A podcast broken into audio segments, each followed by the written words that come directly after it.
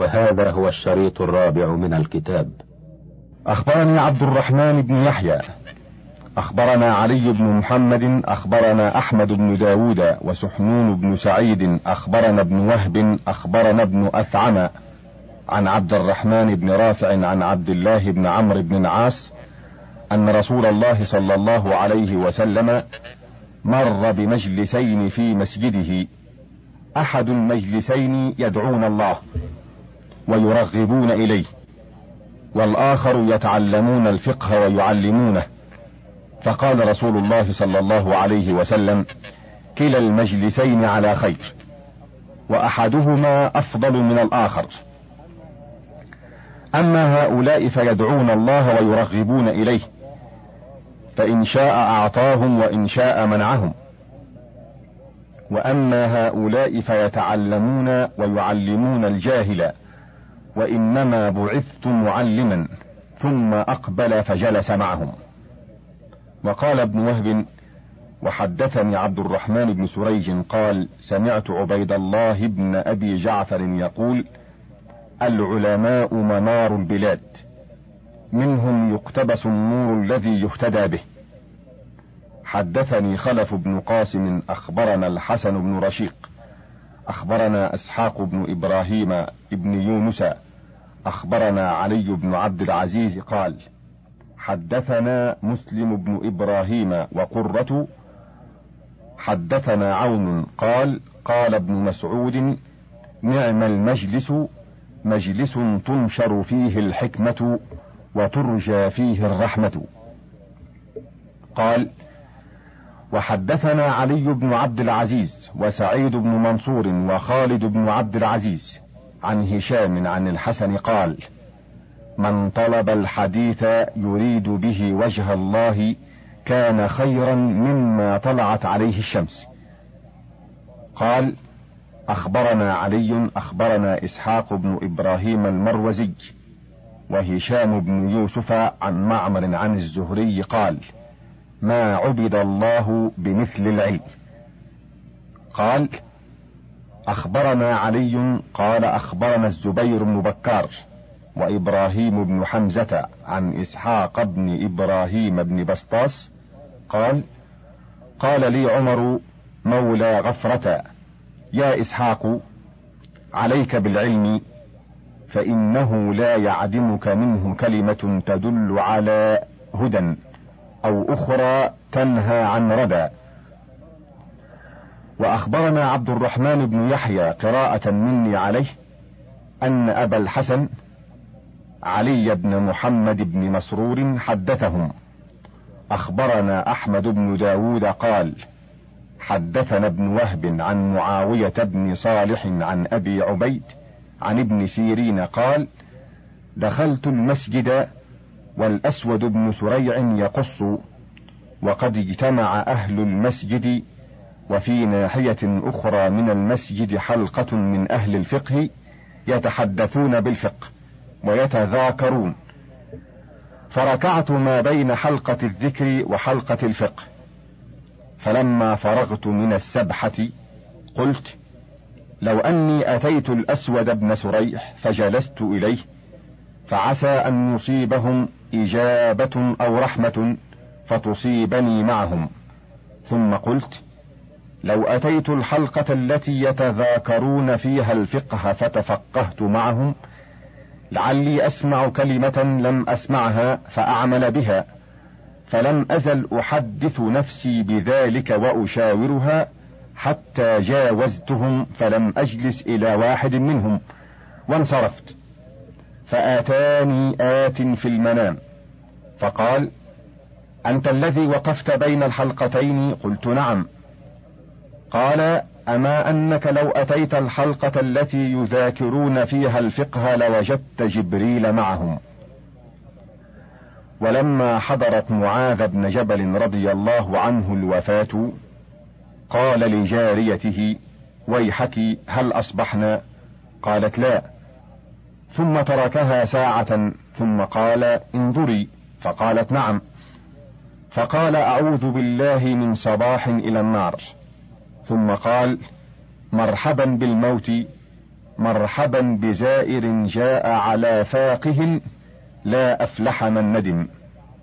اللهم إنك تعلم أني لم أكن أحب البقاء في الدنيا لجري الأنهار ولا لغرس الأشجار ولكن كنت أحب البقاء لمكابدة الليل الطويل ولظمأ الهواجر في الحر الشديد ولمزاحمة العلماء بالركب في حلق الذكر.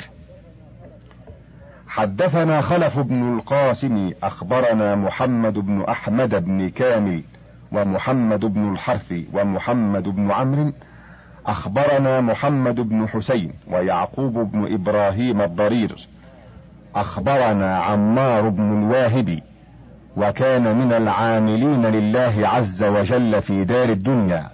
قال رأيت مسكينة الطغارية في منامي وكانت من المواظبات على حلق الذكر. قلت مرحبا يا مسكينة. قالت هيهات ذهبت والله يا عمار. وجاء الغناء الأكبر. قلت هيه. قالت عما تسأل. عمن أتيح له الجنة بحذافيرها. فتذهب حيث شاءت قال قلت لم ذلك؟ قالت بمجالس الذكر والصبر على الفقر. اخبرنا احمد بن عبد الله ومسلمه اخبرنا يعقوب بن اسحاق العسقلاني حدثنا محمد بن احمد بن عمير بن سنان قال ان حسين بن منصور النيسابوري قال حدثنا عيسى بن إبراهيم الهاشمي والحكم بن عبيد الله أخبرنا عبادة بن قيس عن عبد الرحمن بن غنم عن معاذ بن جبل قال قال رسول الله صلى الله عليه وسلم العالم أمين الله في الأرض.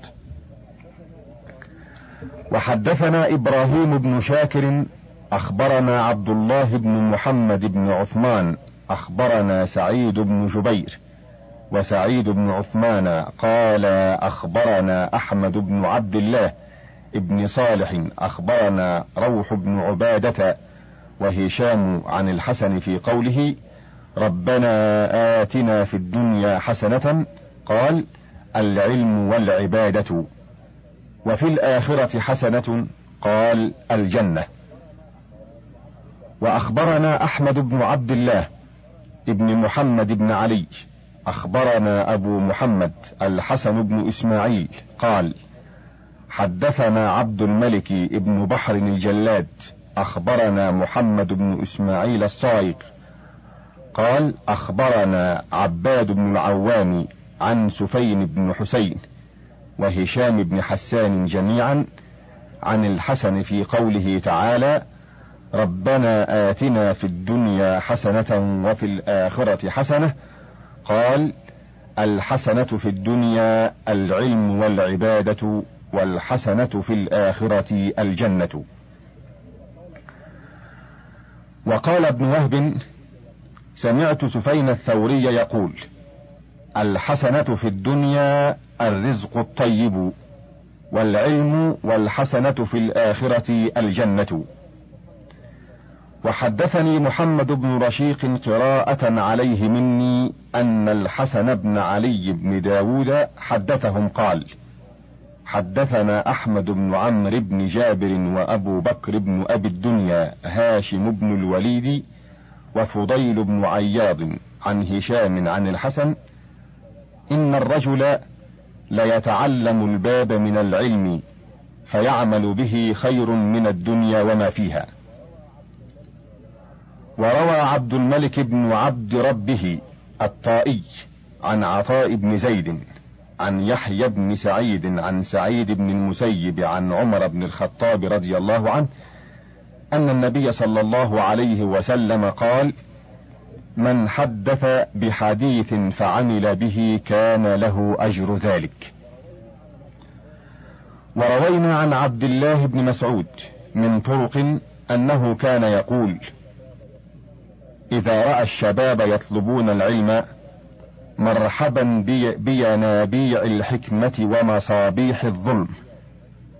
خلقان الثياب جدد القلوب حبس البيوت ريحان كل قبيلة. وحدثنا أحمد بن عبد الله ومسلمة بن القسم أخبرنا يعقوب بن إسحاق أخبرنا محمد بن أحمد بن عمير أخبرنا شريح بن يونس البغدادي. وحدثنا أحمد حدثنا مسلمة أخبرنا يعقوب ومحمد بن سليمان بن هشام عن أبي مرة عن الحسن قال العالم خير من الزاهد في الدنيا المجتهد في العبادة. قال ابن عمير وزادني أبو عبد الله محمد بن أسلم في حديث الحسن هذا ينشر حكمة الله. فإن قبلت حمد الله وإن ردت حمد الله. وعن ابن مسعود رضي الله عنه قال لا يزال الفقيه يصلي. قالوا وكيف يصلي؟ قال ذكر الله تعالى على قلبه ولسانه. وأخبرنا عبد الله محمد بن يوسف قال أخبرنا يحيى بن مالك بن عابد قال حدثنا محمد بن الحسن بن زكريا. قال أخبرنا أحمد بن سعيد بن عبد الله الدمشقي. أخبرنا الزبير بن بكار. أخبرنا أبو الحسن المدايني. قال خطب زياد ذات يوم على منبر الكوفة. فقال أيها الناس إني بت ليلتي هذه مهتما بخلال ثلاث. رأيت أن أتقدم إليكم فيهن بالنصيحة. رأيت إعظام ذوي الشرف وإجلال ذوي العلم وتوقير ذوي الأسنان. والله لا أوتى برجل رد على ذي علم ليضع بذلك منه إلا عاقبته. ولا أوتى برجل رد على ذي شرف ليضع بذلك منه شرفه إلا عاقبته. ولا أوتى برجل رد على ذي شيبة ليضع بذلك إلا عاقبته. إنما الناس بأعلامهم وعلمائهم وذوي أسنانهم. وروي عن النبي صلى الله عليه وسلم أنه قال ليس منا من لم يرحم صغيرنا ويوقر كبيرنا ويعرف لعالمنا يعني حقه. حدثنا عبد الوارث أخبرنا قاسم أخبرنا أحمد بن زهير الحوطي.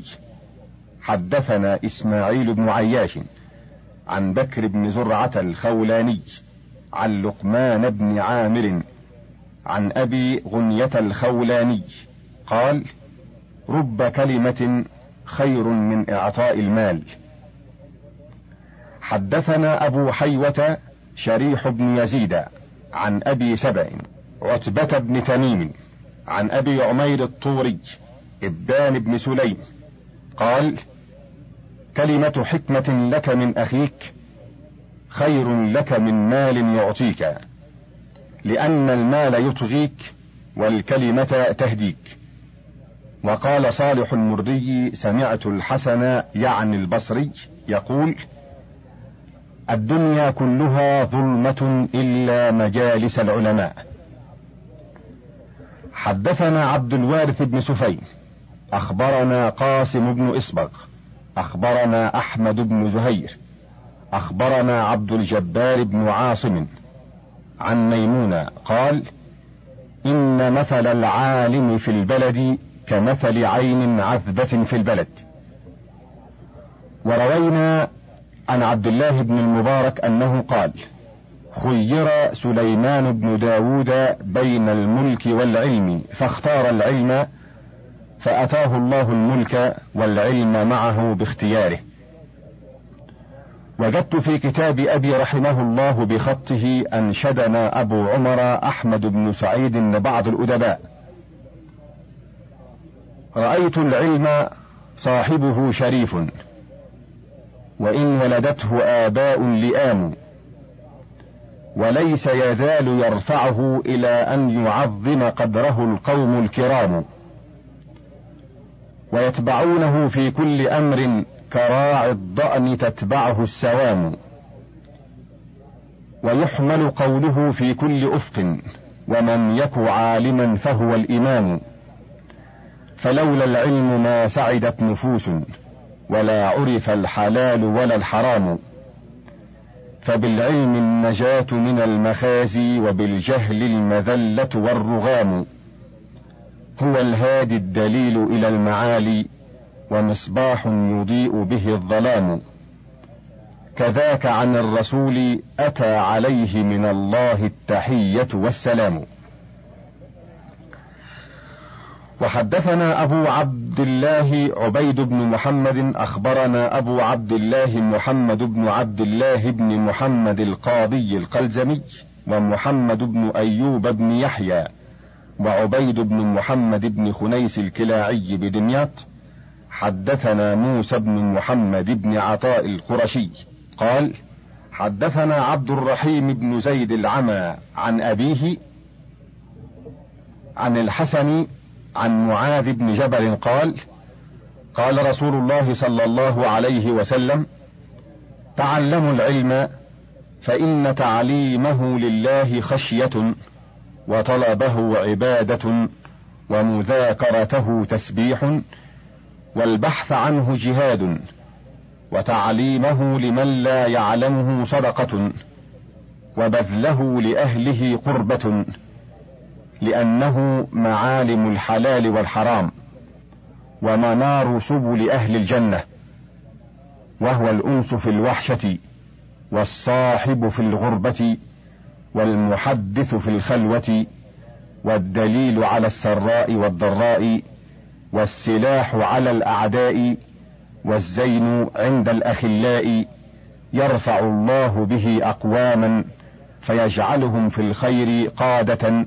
وأئمة تقتص آثارهم ويقتدى بأفعالهم وينتهى إلى رأيهم ترغب الملائكة في خلتهم وبأجنحتها تمسحهم يستغفر لهم كل رطب ويابس وحيتان البحر وهوامه وسباع البر وأنعامه لأن العلم حياة القلوب من الجهل ومصابيح الأبصار من الظلم.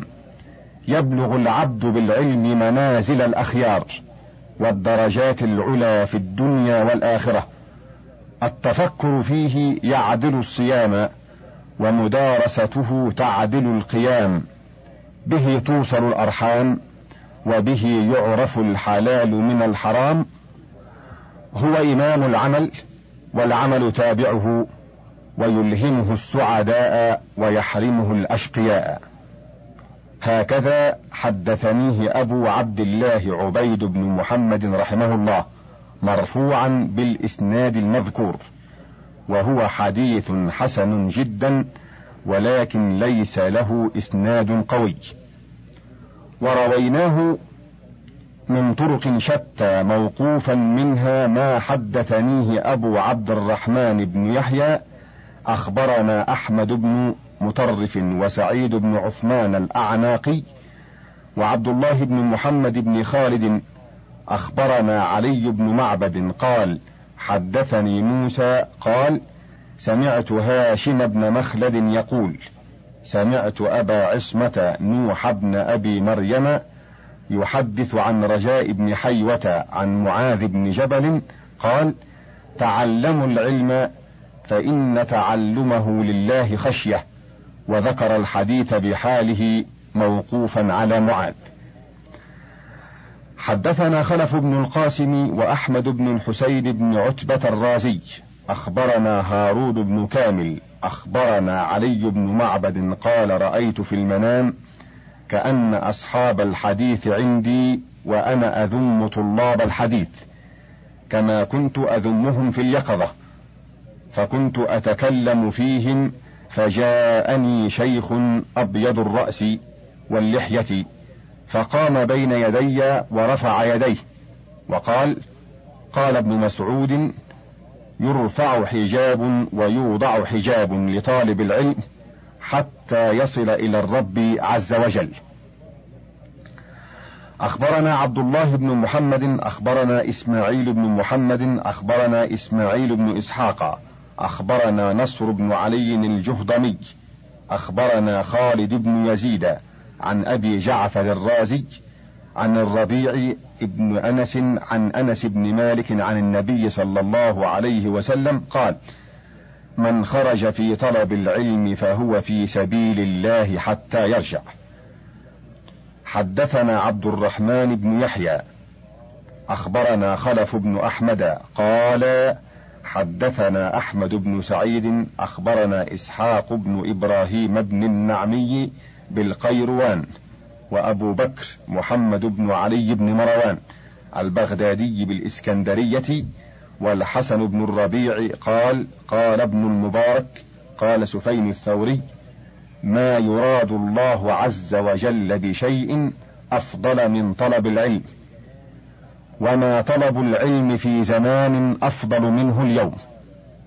وحدثاني قال أخبرنا أحمد بن سعيد أخبرنا إسحاق بن إبراهيم أخبرنا محمد بن علي بن مروان أخبرنا زائدة عن هشام عن الحسن قال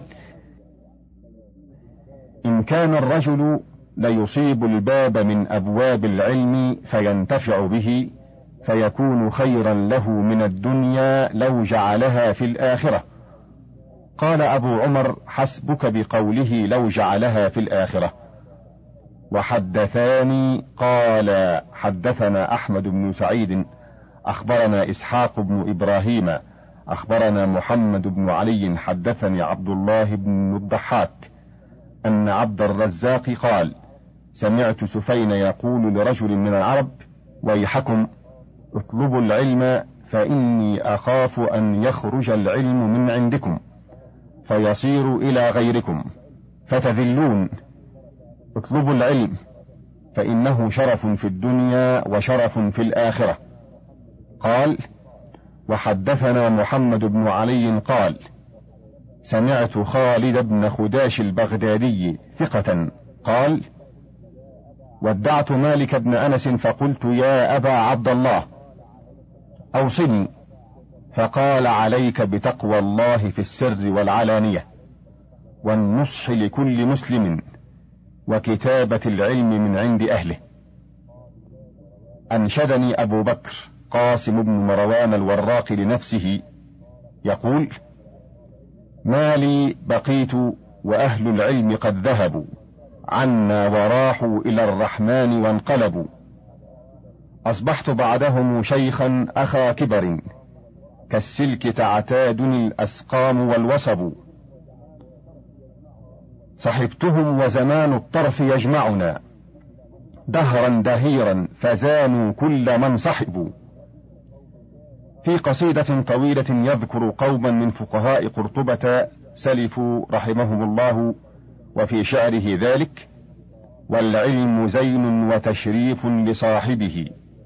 أتت إلينا بذا الأنباء والكتب والعلم يرفع أقواما بلا حسب فكيف من كان ذا علم له حسب؟ فاطلب بعلمك وجه الله محتسبا فما سوى العلم فهو اللهو واللعب. ولي معارضة لقول القائل وهو أبو حاطب وإذا طلبت من العلوم أجلها فأجلها منها مقيم الألسن. العلم يرفع كل بيت هين والفقه يجمل باللبيب الدين. والحر يكرم بالوقار وبالنهى. والمرء تحقره إذا لم يرزن. فإذا طلبت من العلوم أجلها فأجلها عند التقي المؤمن. علم الديانة وهو أرفعها لدى كل امرئ متيقظ متدين. هذا الصحيح ولا مقالة جاهل فأجلها منها مقيم الألسن. ولبعض الأدباء يعد رفيع القوم من كان عالما وإن لم يكن في قومه بحسيب. وإن حل أرضا عاش فيها بعلمه وما عالم في بلدة بغريب. وفي حكمة داود عليه السلام العلم في الصدر كالمصباح في البيت. وقيل لبعض حكماء الأوائل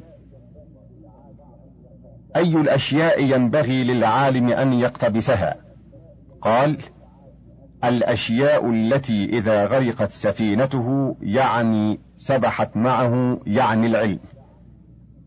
وقال غيره منهم من اتخذ العلم لجاما اتخذه الناس إماما ومن عرف بالحكمة لاحظته العيون بالوقار. قال عبد الملك بن مروان لبنيه يا بني تعلموا العلم فإن استغنيتم كان لكم كمالا وإن افتقرتم كان لكم مالا.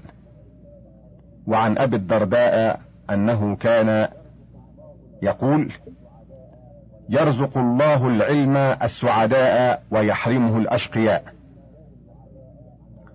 وفي رواية ابن زياد النخعي عن علي عليه السلام قال العلم خير من المال لأن المال تحرسه والعلم يحرسك والمال تفنيه النفقة والعلم يزكو على الإنفاق والعلم حاكم والمال محكوم عليه.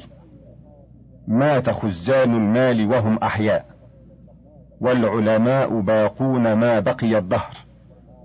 أعيانهم مفقودة وآثارهم في القلوب موجودة. قال سابق البربري موت التقي حياة لا انقطاع لها. قد مات قوم وهم في الناس أحياء. قال إسماعيل بن جعفر بن سليم الهاشمي عجبت لمن لم يكتب العلم كيف تدعوه نفسه إلى مكرمة. وأنشدنا أبو القاسم محمد بن نصر بن حامد الدوهي الكاتب لنفسه في أبيات ذوات عدد. إنما العلم منحة ليس في ذا منازع. هو للنفس لذة وهو للقدر رافع. يعرف الناس ربه وهو ميت وشاسع. فضل الناس كلهم فاضل فيه بارع. وقال آخر لا بارك الله في قوم إذا سمعوا ذا اللب ينطق بالأمثال والحكم. قالوا وليس بهم إلا نفاسته أنافع ذا من الإفلاس والعدم. وقال آخر العلم بلغ قوما ذروة الشرف وصاحب العلم محفوظ من الخرف. يا صاحب العلم مهلا لا تدنسه بالموبقات فما للعلم من خلف. وقال آخر لو أن العلم مثل كان نورا يضاهي الشمس أو يحكي النهارا لذاك الجهل أظلم جانباه ونور العلم أشرق واستنارا وجدت في كتاب أبي رحمه الله بخطه حدثنا أحمد بن سعيد أخبرنا محمد بن موسى بن عيسى الحضرمي حدثنا أبو الطاهر حدثنا محمد بن عبد الأعلى. قال سمعت معتمر بن سليمان يقول كتب إلي أبي وأنا بالكوفة يا بني اشتر الورق واكتب الحديث فإن العلم يبقى والددانير تذهب. قال أبي قال أحمد بن سعيد وأنشدني غير واحد في هذا المعنى لبعض المحدثين. العلم زين وكنز لا نفاد له. نعم القرين إذا ما عاقلا صحبا. قد يجمع المرء مالا ثم يسلبه. عما قليل فيلقى الذل والخرب. وجامع العلم مغبوط به أبدا.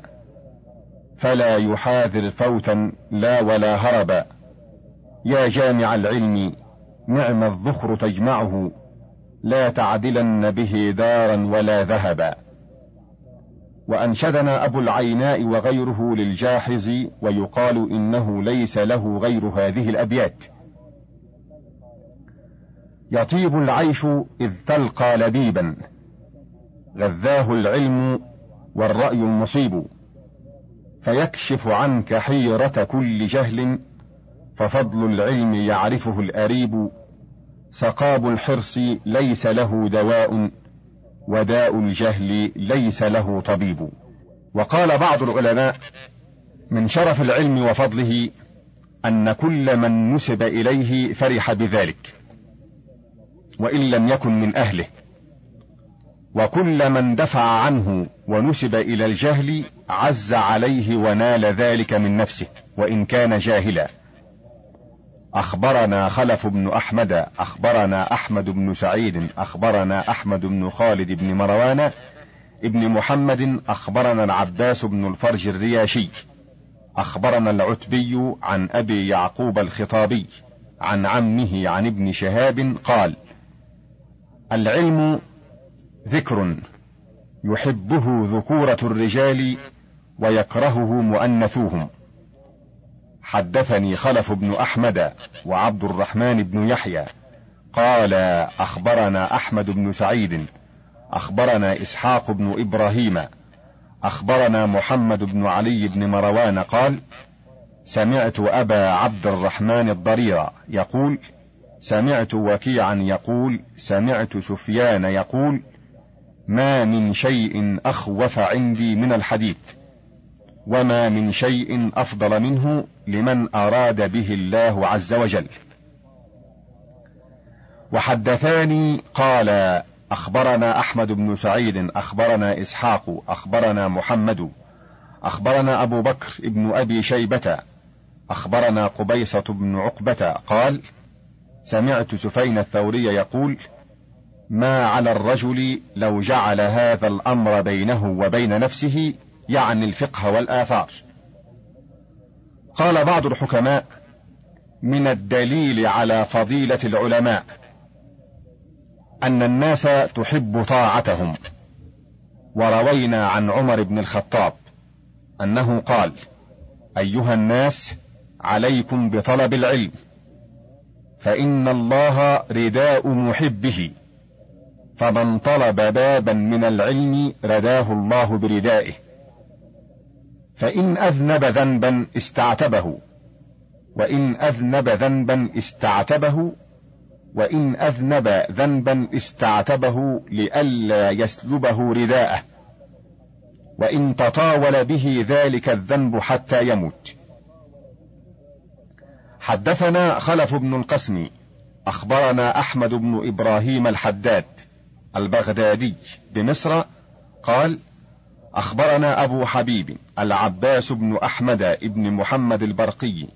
أخبرنا محمود بن عيلان أخبرنا أبو داود الطيالسي. أخبرنا حماد بن سلمة عن ثابت عن أنس أن أخوين كانا على عهد رسول الله صلى الله عليه وسلم. كان أحدهما يحضر حديث النبي صلى الله عليه وسلم ومجلسه وكان الآخر يقبل على صنعته فقال يا رسول الله أخي لا يعتني بشيء. فقال رسول الله صلى الله عليه وسلم لعلك ترزق به. أخبرنا أحمد بن سعيد بن بشر أخبرنا محمد بن أبي دلي وحدثنا عبد الوارث ابن أبي سفين أخبرنا قاسم بن إصبغ قال حدثنا محمد بن وضاح أخبرنا زهير عن سفين قال إن من كمال التقوى ان تبتغي إلى ما قد علمت علم ما لم تعلم. هكذا جعله من قول الثوري ورواه سفين ابن عيينة عن ابن عجلان عن عون بن عبد الله قال من كمال التقوى أن تطلب إلى ما قد علمت علم ما لم تعلم وزاد فيه واعلم أن التفريط فيما قد علمت ابتغاء ترك الزيادة فيه وإنما يحمد الرجل على ترك انتفاع الزيادة فيما قد علم قلة الانتفاع بما قد علم.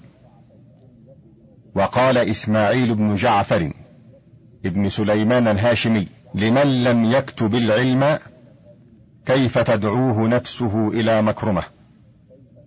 قال جعفر بن محمد الكمال كل الكمال التفقه في الدين والصبر على النائبة وتدبير المعيشة.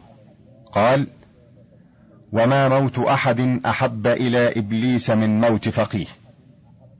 وقال بعض الحكماء من الدليل على فضيلة العلماء أن الناس تحب طاعتهم وكان يقال العلم أشرف الأحساب والأدب والمروءة أرفع الأنساب. وقال بعض الحكماء أفضل العلم وأولى ما نافست عليه منه علم ما عرفت به الزيادة في دينك ومروءتك. وقال الأحنف كاد العلماء أن يكونوا أربابا. وكل عز لم يؤكد بعلم فإلى ذل ما يصير. ويقال مثل العلماء مثل الماء حيث ما سقطوا نفعوا. وقال أبو الأسود الدؤلي الملوك حكام على الناس والعلماء حكام على الملوك. وقيل لبزر جمهر أيما أفضل الأغنياء أو العلماء؟ فقال العلماء. قيل له فما بال العلماء يأتون أبواب الأغنياء؟ قال لمعرفة العلماء بفضل الغنى وجهل الأغنياء بفضل العلم.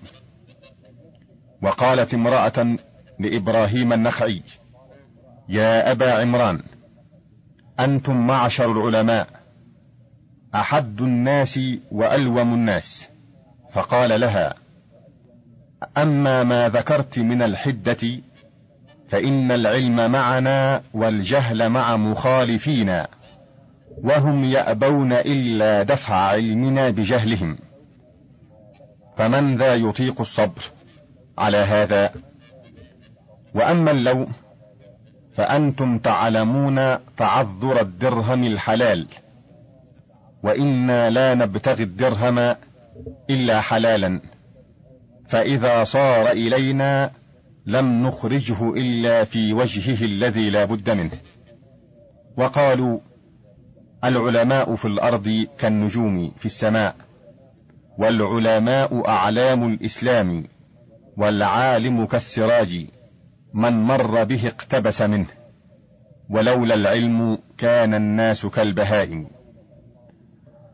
وأخبرنا أحمد بن قاسم بن عبد الرحمن أخبرنا قاسم بن اسبغ أخبرنا محمد بن إسماعيل أخبرنا نعيم بن حماد أخبرنا ابن المبارك أخبرنا زائدة عن هشام عن الحسن قال كان الرجل إذا طلب العلم لم يلبث أن يرى ذلك في تخشعه وبصره ولسانه ويده وصلاته وزهده. وإن كان الرجل ليصيب الباب من أبواب العلم فيعمل به فيكون خيرا له من الدنيا وما فيها لو كانت له فجعلها في الآخرة. وكان الحسن يقول والله ما طلب هذا العلم أحد إلا كان حظه منه ما أراد به. ذكره أبو فاطمة عن هشام عن الحسن. حدثنا أبو الوارث ابن سفين أخبرنا قاسم بن اسبغ أخبرنا أحمد بن زهير أخبرنا مصعب بن عبد الله. قال قال لنا أبي اطلبوا العلم فإن يكن لك مال أجداك جمالا وإن لم يكن لك مال أكسبك مالا.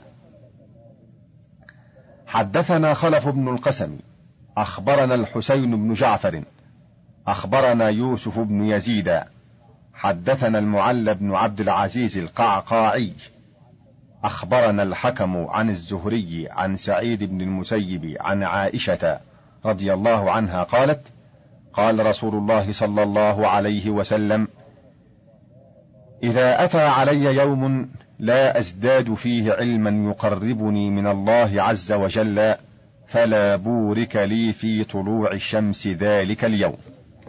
أخبرنا الحكم بن عبد الله عن الزهري عن سعيد بن المسيب عن عائشة قالت قال رسول الله صلى الله عليه وسلم كل يوم يمر علي لا أزداد فيه علما يقربني من الله فلا بلغني الله طلوع شمس ذلك اليوم.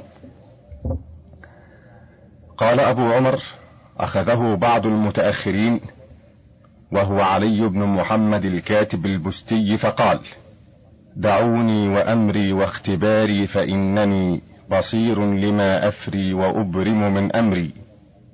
إذا ما مضى يوم ولم أصطنع يدا ولم أقتبس علما فما هو من عمري.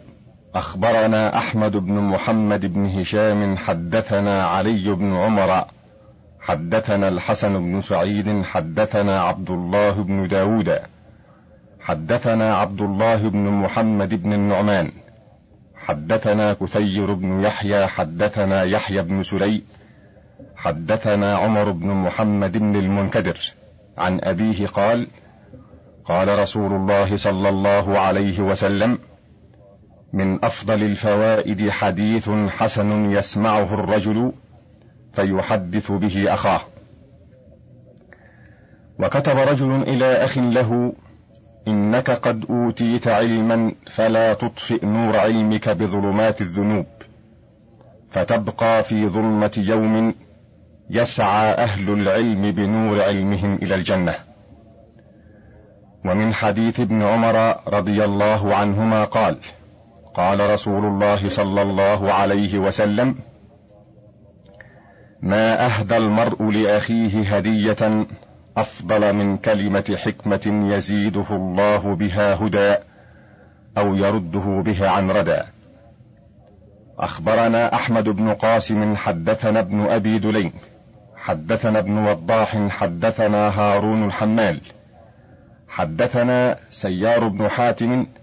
حدثنا جعفر بن سليمان عن عبد الجليل عن ابن عبد السلام عن كعب قال أوحى الله عز وجل إلى موسى عليه السلام تعلم الخير وعلمه الناس فإني منور لمعلم العلم ومتعلمه قبورهم. حتى لا يستوحشوا لمكانهم. أخبرنا أحمد بن محمد حدثنا علي بن عمر بن موسى القاضي حدثنا الحسن بن عبد الله بن سعيد العسكري. حدثنا أحمد بن يحيى بن زهير. حدثنا محمد بن عم بن عمرو بن عوف قال حدثني أبي حدثنا شريك عن ليث عن يحيى بن أبي كثير. عن علي الأزدي قال سألت ابن عباس عن الجهاد فقال ألا أدلك على ما هو خير لك من الجهاد؟ تبني مسجدا تعلم فيه القرآن وسنن النبي صلى الله عليه وسلم والفقه في الدين. وحدثنا أبو القاسم خلف بن القاسم حدثنا أبو صالح أحمد بن عبد الرحمن بمصر حدثنا أبو بكر محمد بن الحسن البخاري. حدثنا الحسين بن الحسن بن وضاح البخاري. حدثنا حفص بن داود الربعي. قال حدثنا معاذ بن خالد قال حدثنا صفوان بن رستم أبو كامل. حدثنا عبد الرحمن بن ميسرة عن عبد الرحمن عن تميم الداري.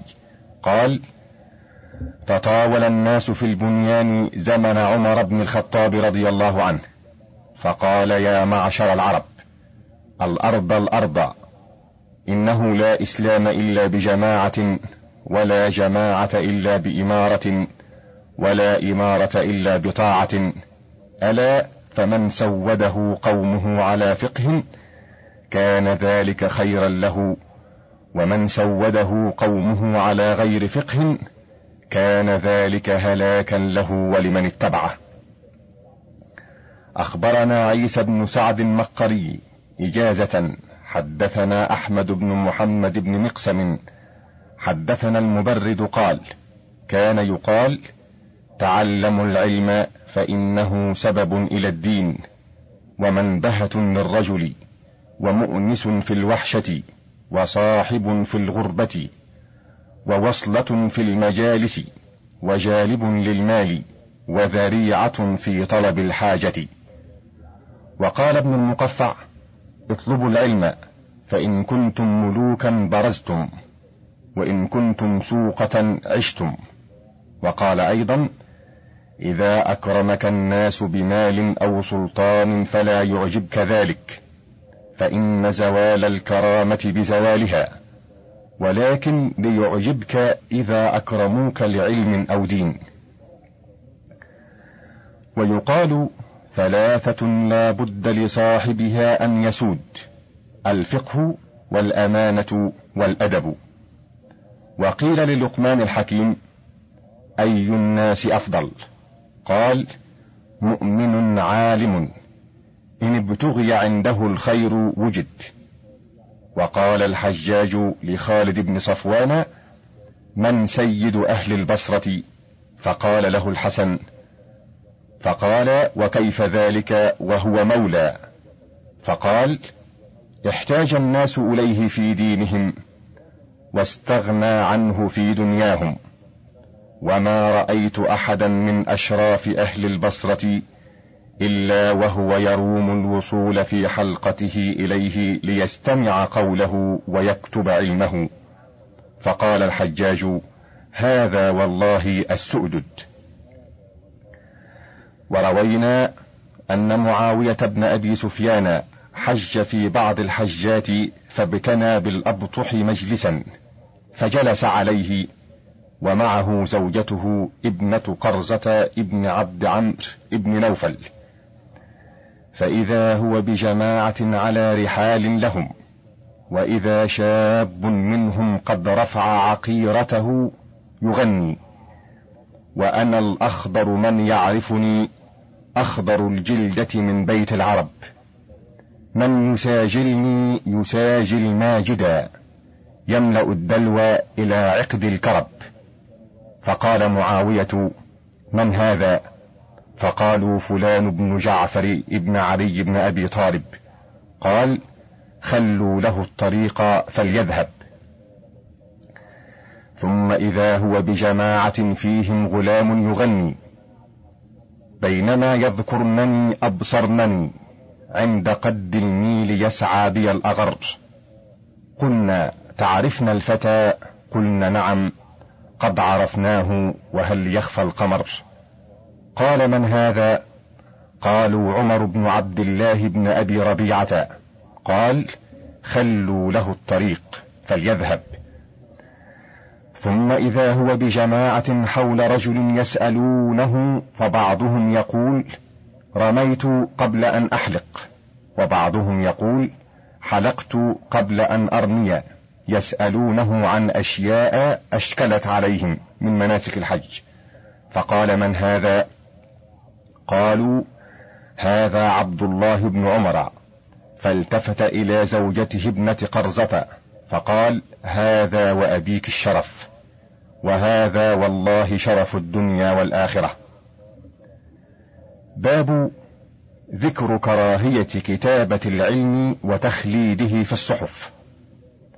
حدثنا عبد الوارث أخبرنا قاسم أخبرنا أحمد بن زهير.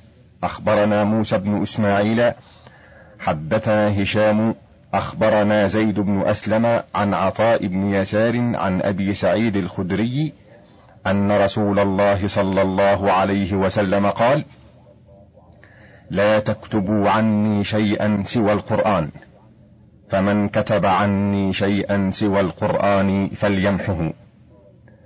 حدثنا عبد الله بن محمد بن عبد المؤمن حدثنا محمد بن بكر بن داسة حدثنا عبد الرحمن بن يحيى أخبرنا أحمد بن سعيد أخبرنا ابن الأعرابي أخبرنا أبو داود أخبرنا نصر بن علي قال أخبرني أبو أحمد أخبرنا كثير بن يزيد عن المطلب بن عبد الله بن حنطب قال دخل زيد بن ثابت على معاوية فسأله عن حديث فأمر إنسانا أن يكتبه فقال له زيد إن رسول الله صلى الله عليه وسلم أمرنا الا نكتب شيئا من حديث فمحاه. أخبرنا أحمد بن عبد الله حدثنا أبي أخبرنا عبد الله أخبرنا بقية أخبرنا أبو بكر أخبرنا أبو أسامة عن شعبة عن جابر بن عبد الله بن يسار. قال سمعت عليا يخطب يقول أعزم على كل من كان عنده كتاب إلا رجع فمحاه فإنما هلك الناس حيث يتبعوا أحاديث علمائهم وتركوا كتاب ربهم. قال أبو بكر أخبرنا أبو أسامة عن أبي نضرة قال قيل لأبي سعيد لو اكتتبنا الحديث فقال لا نكتبكم خذوا عنا كما أخذنا عن نبينا صلى الله عليه وسلم.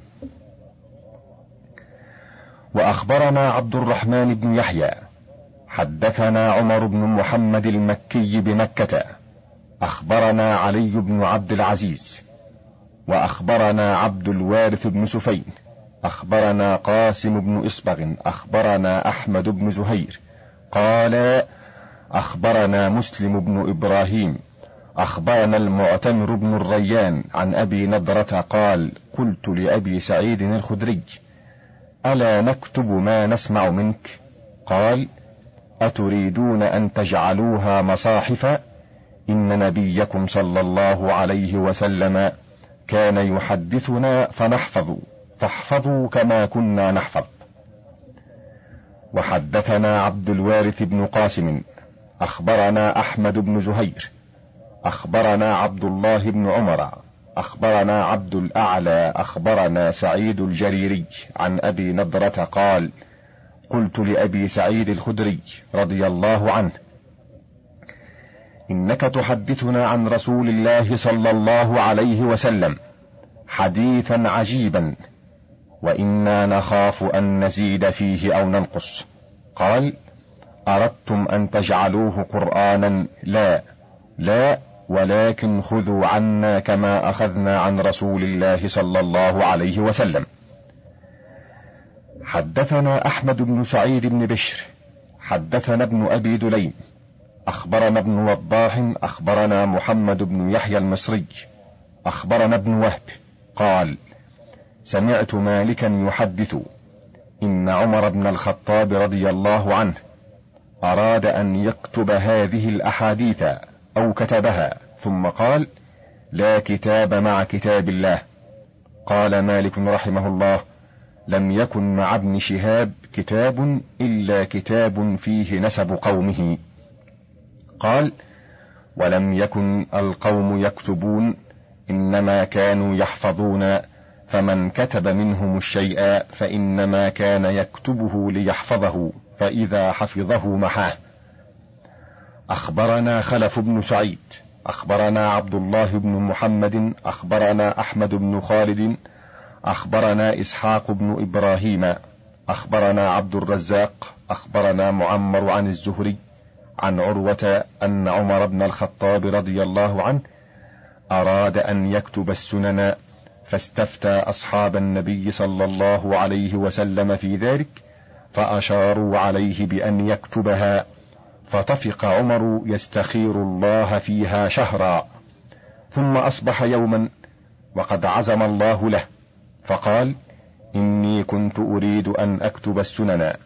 وإني ذكرت قوما كانوا قبلكم كتبوا كتبا فأكبوا عليها وتركوا كتاب الله وإني والله لا أشوب كتاب الله بشيء أبدا. قال عبد الرزاق وأخبرنا معمر عن ابن طاووس عن أبيه عن ابن عباس أنه قال إنا لا نكتب العلم أخبرنا عبد الرحمن بن يحيى.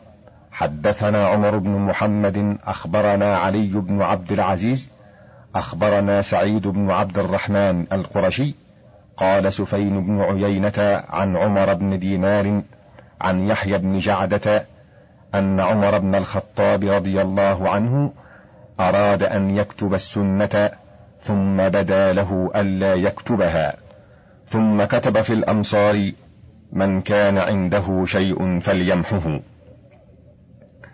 وذكر أبو بكر بن أبي شيبة قال حدثنا مروان بن معاوية عن أبي مالك الأشجعي عن سليمان بن الأسود المحاربي قال كان ابن مسعود رضي الله عنه يكره كتابة العلم.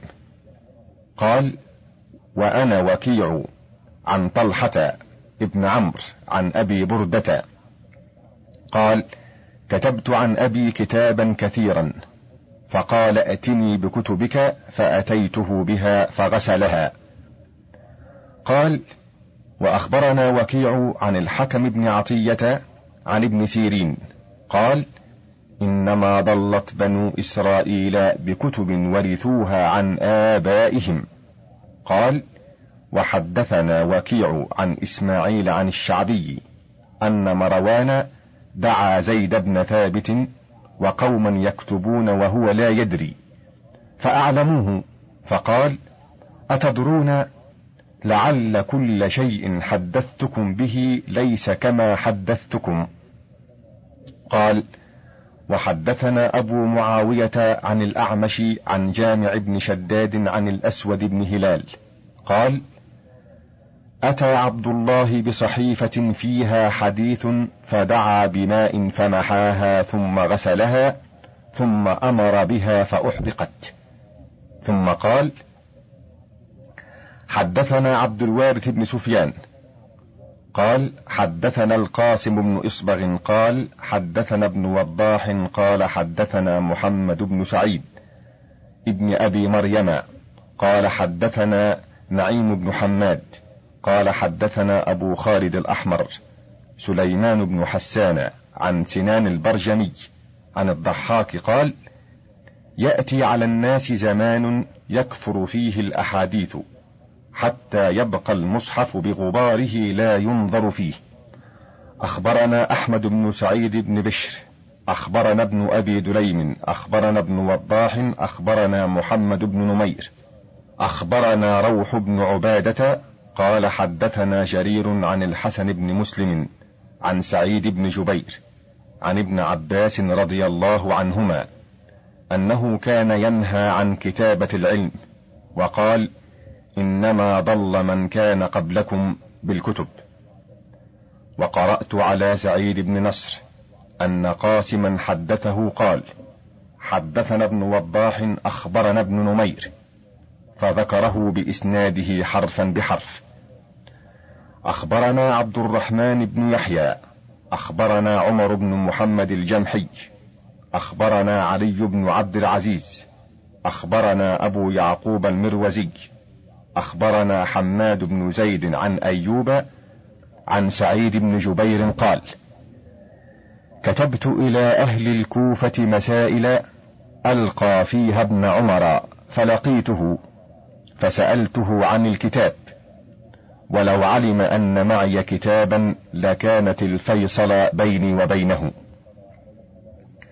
وحدثنا أحمد بن عبد الله وأبي أخبرنا عبد الله بن يونس أخبرنا بقي بن مخلد أخبرنا أبو بكر بن أبي شيبة أخبرنا سفين بن عيينة عن أيوب قال سمعت سعيد بن جبير قال كنا نختلف في أشياء فنكتبها في كتاب ثم أتيت بها ابن عمر أسأله عنها خفيا فلو علم بها كانت الفيصل بيني وبينه.